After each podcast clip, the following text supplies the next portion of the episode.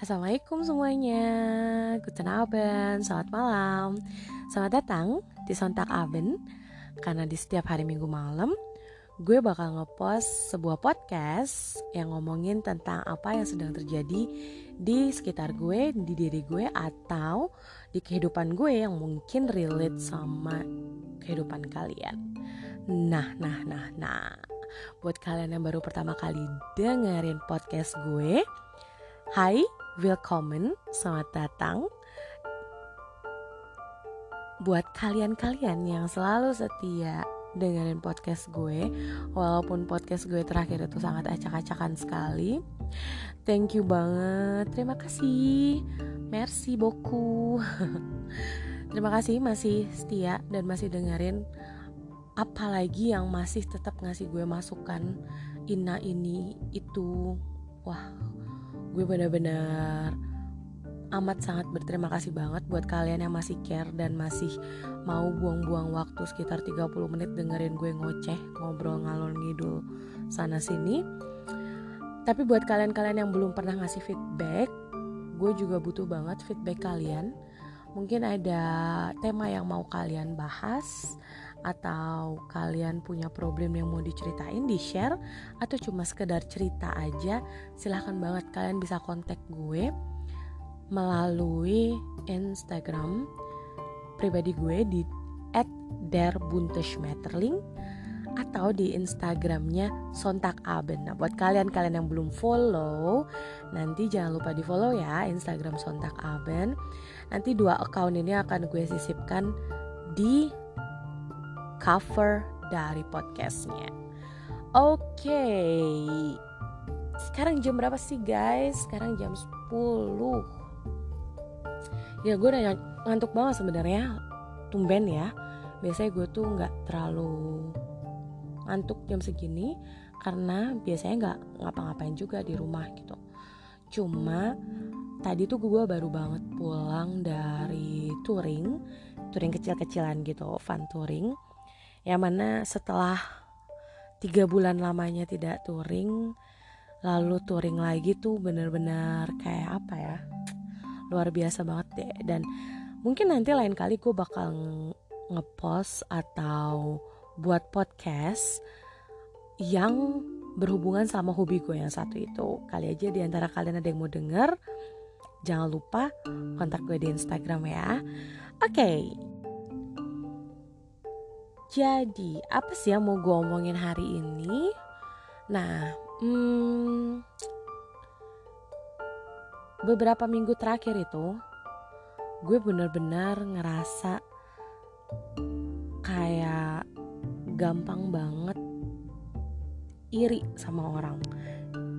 Iri itu maksudnya gue membandingkan um, apa ya membandingkan apa yang gue punya dengan yang orang lain punya seperti itu. Nah setelah membandingkan ada perasaan kayak kok gue nggak bisa punya itu sih? Kok gue nggak bisa begitu sih? Kok gue nggak bisa begini sih? Kayak gitu. Nah dari situ gue cerita ke temen gue dan dia bilang hmm that's your inner child. Oh oh di situlah gue ternyata baru tahu ada istilah namanya inner child interesting banget sih sebenarnya istilah itu. Kenapa gue bilang interesting? Karena selama 28 tahun gue nggak pernah dengar istilah itu yang pertama. Yang kedua padahal istilah itu tuh kayak pasti dialami gitu sama semua orang. Iya gak sih? Karena setiap orang itu pasti punya sesuatu di masa lalu yang uh, menjadi trigger apa yang terjadi di masa kini.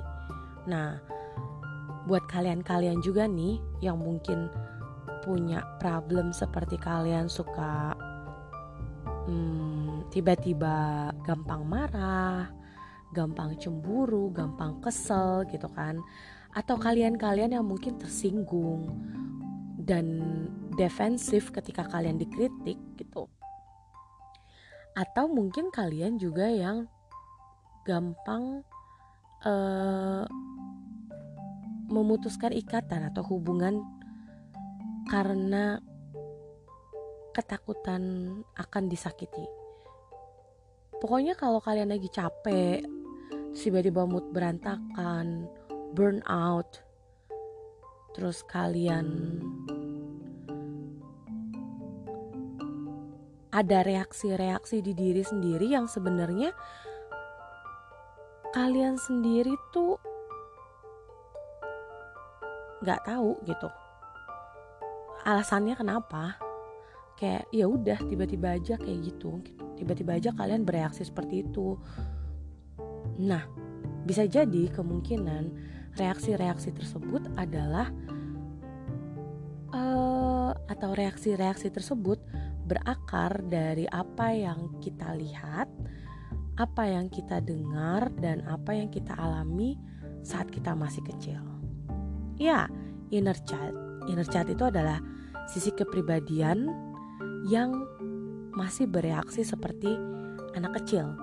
Jadi kepribadian itu terbentuk di masa kita kecil dan ketika ada momen yang momen sorry ada momen yang pas yang sesuai kita akan bereaksi tanpa kita sadari seperti anak kecil. Get it ya? Nah, hmm, reaksi-reaksi tersebut itu terbentuk saat kita masih kecil, khususnya saat kita masih ada di usia 6 sampai 7 tahun. Karena gue sempat baca juga ada seorang pakar psikologi Dr. John Bradshaw kalau nggak salah namanya. Correct me if I'm wrong ya. Jadi dia berpendapat kalau di usia anak 6 sampai 70 eh, 70 tahun. Di usia anak 6 sampai 7 tahun maksud gue, 6 sampai 7 tahun itu otaknya itu sedang berkembang pesat. Jadi gelombang di otak itu berkembang dengan sangat pesat. Oleh karena itu, kita bisa menyerap dan meresap informasi atau meresap ingatan itu dengan sangat cepat gitu. Yang mana bisa sampai 4 sampai 7 teta. Dan bahkan ingatan-ingatan di usia ini itu bisa jadi long term memory buat kita. Yang tanpa kita sadari ya. Jadi dia bisa jadi memori jangka panjang yang mungkin kalau kita refleksi ke belakang nih di usia segitu dulu gue ngapain ya dulu gue ngapain ya itu masih bisa terlihat jelas kayak gitu nah tapi buat catatan juga buat kalian inner child ini nggak selalu buruk. Jadi ada loh inner child yang memang positif gitu. Cuma kan biasanya kita nggak akan jadi masalah ya kalau positif. Karena yang kita cari solusinya adalah ketika si inner child tersebut menjadi negatif. Nah, memorable memorable moment di usia-usia tersebut itu menjadikan kondisi di saat ini kemungkinan ada kondisi-kondisi atau kebutuhan anak kecil yang belum terpenuhi dari situ. Dia bisa di-trigger dari banyak hal memang yang terbesar adalah um, pola asuh keluarga. Jadi orang tua kita nih sebagai role model kita dalam hidup gitu. Mungkin tanpa disadari memberikan atau membuat memori-memori yang bisa menyebabkan trauma. Dan trauma tersebut itu nantinya akan uh, mendis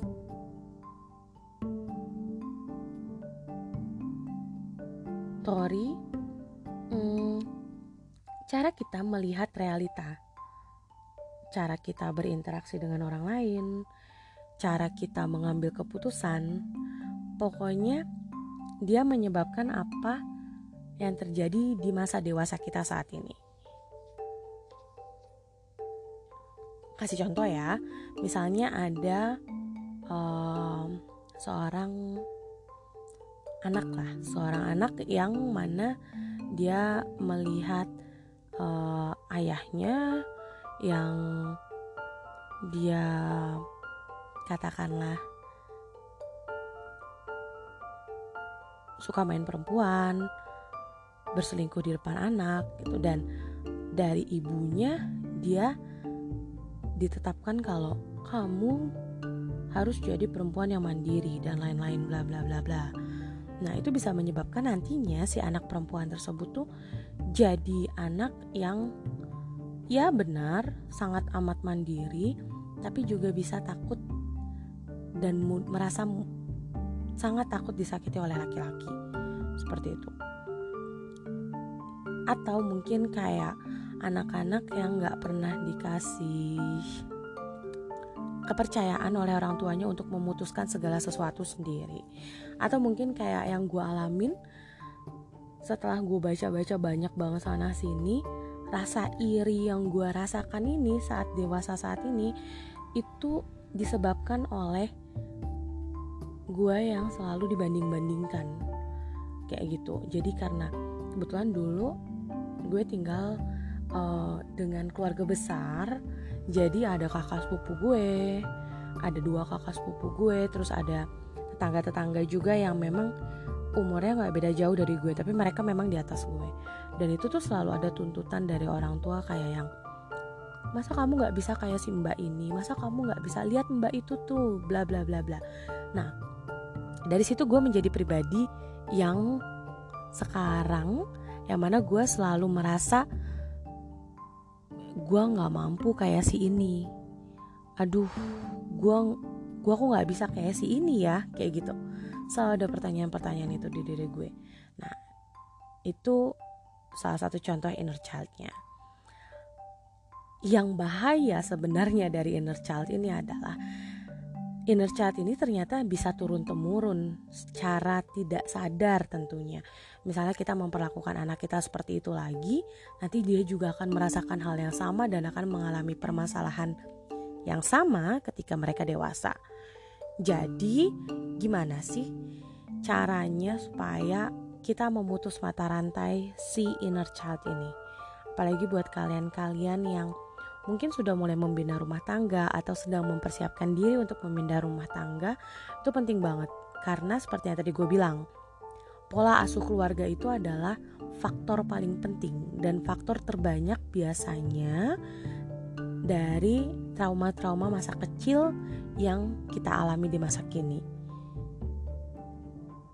Ya, meskipun kadang kita tuh suka nggak sadar gitu kalau ada luka batin, ada kayak kita ngerasa biasa aja. Kayak tadi gue ngerasa ya biasa aja, oh ya udah gue dibandingin ya udah gitu. Tapi ternyata itu berdampak ke gue yang sekarang di masa dewasa. Dan semua itu akan jadi akan jadi unspoken trauma yang mungkin kalian bisa uh, menjadikan orang lain korban. Jadi kayak gini-gini misalnya. Misalnya hmm, kalian berumah tangga, lalu kalian menyebab me, mengeluhkan pasangan gue harus A, B, C, D, E misalnya. Pasangan saya begini, begini, begini, begini. Nah, coba refleksi ke diri kita sendiri.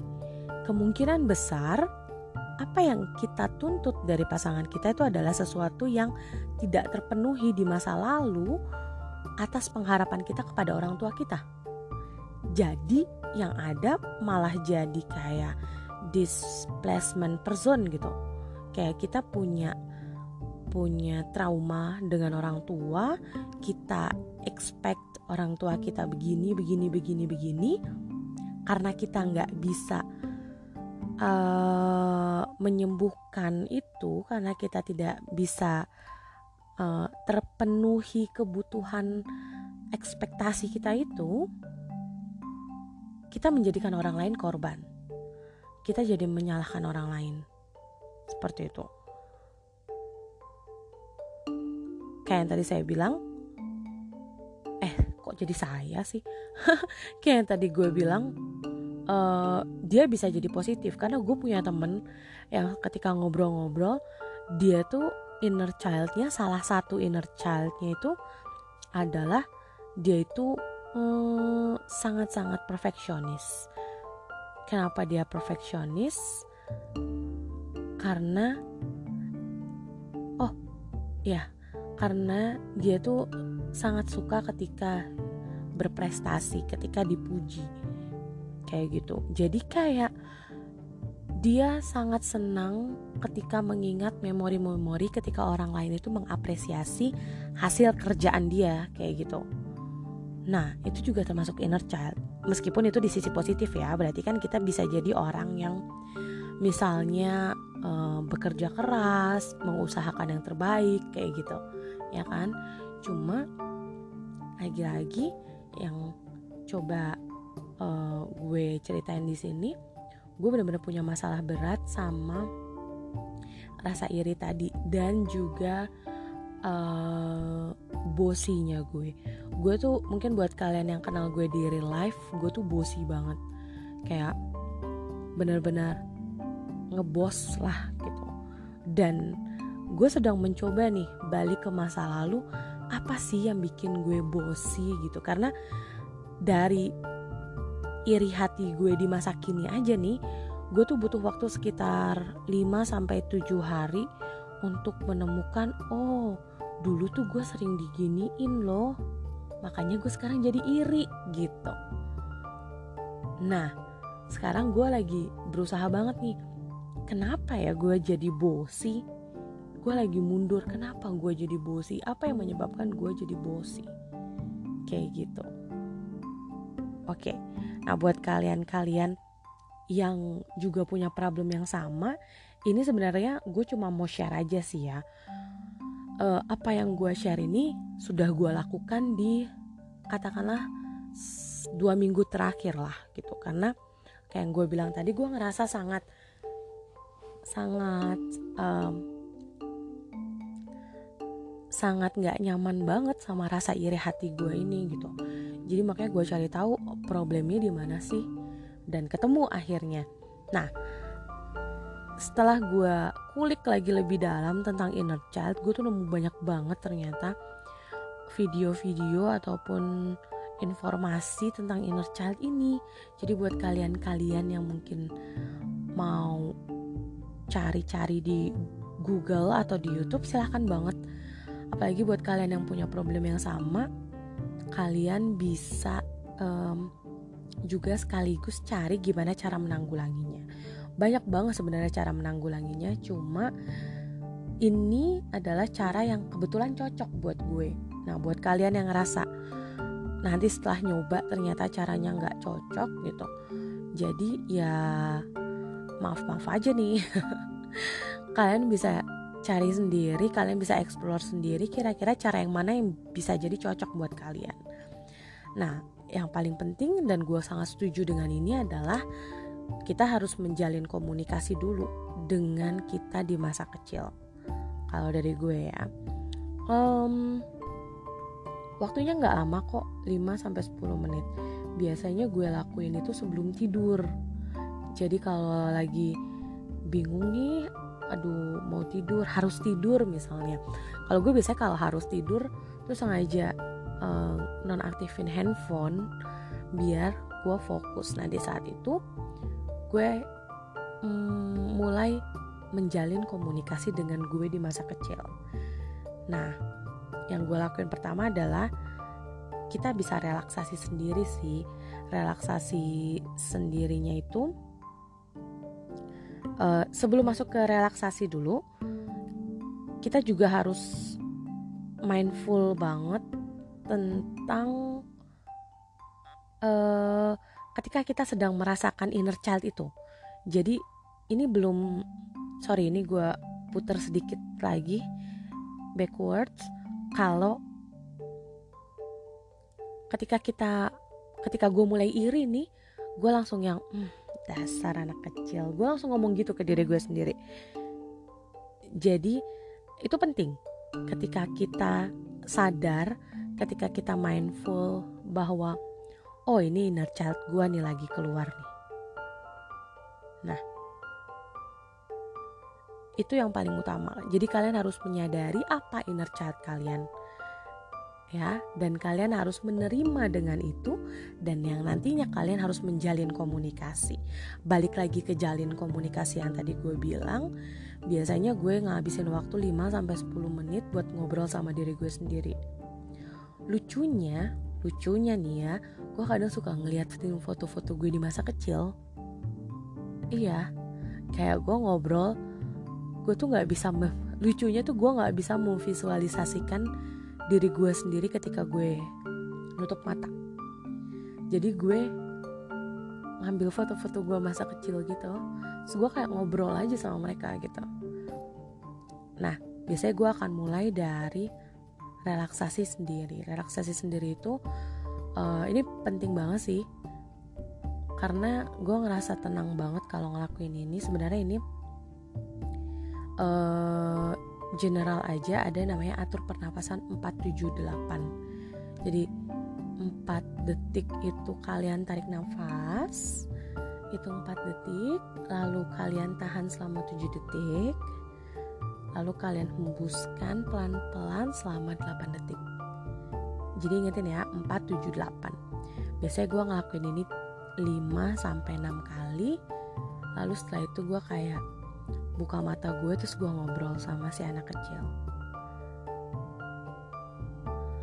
Gue nggak tahu ya yang gue pakai ini mungkin bisa kalian pakai atau kalian bisa juga nggak pakai jadi gue biasanya suka cuma ngobrol biasa aja kayak hmm, hey anak kecil kayak gitu. Biasanya oh biasanya gue nggak ngomong arah kecil. Biasanya gue ngomongnya Yaya karena gue di rumah dipanggilnya Yaya. Eh ya gitu.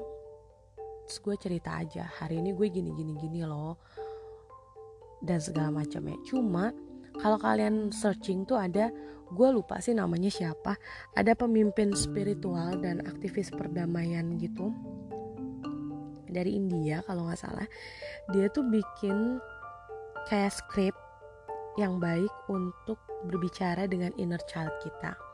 Gue coba bacain ya. Hey, anak dalam diriku yang terluka. Aku di sini siap mendengarkanmu. Ceritakan seluruh deritamu. Aku di sini sungguh-sungguh mendengarkanmu. Kau adalah anak dalam diriku, dan aku adalah kau. Tenang, kini kita sudah dewasa, tidak perlu takut lagi. Kita akan bisa melindungi diri kita sendiri. Ayo ikut ke masaku kini. Jangan biarkan ada jarak di antara kita. Nah, tapi mungkin bahasanya terlalu baku ya karena gue translatein, nyoba translatein ini ke bahasa Indonesia. Kurang lebih kayak gitulah. Gue juga kadang suka ngomong kayak gitu, suka ngomong kayak uh, nggak apa-apa kok kalau misalnya dia lebih bagus misalnya nggak apa-apa kok kalau si A lebih pinter ngomong latihan aja sama si A tanya sama si A gimana cara dia ngomong dan lain-lain. Gue biasa suka ngobrol kayak gitu ke diri gue sendiri. Ya seperti yang kalian mungkin semuanya sudah tahu kalau gue adalah orang yang suka ngobrol dengan diri sendiri tapi kalian ngobrolnya juga jangan di kelas terus ngobrol sama diri sendiri. Atau lagi di bis terus kalian ngobrol sama diri sendiri juga ya. Yang ada kalian disangka nggak waras. Nah dipercaya kalau misalnya si relaksasi mandiri tadi penjalinan komunikasi antara kita sama si inner child itu nanti dia bisa memecahkan atau bisa mengikis lah paling tidak gitu ya. Uh, tembok di antara kita sama inner child kita.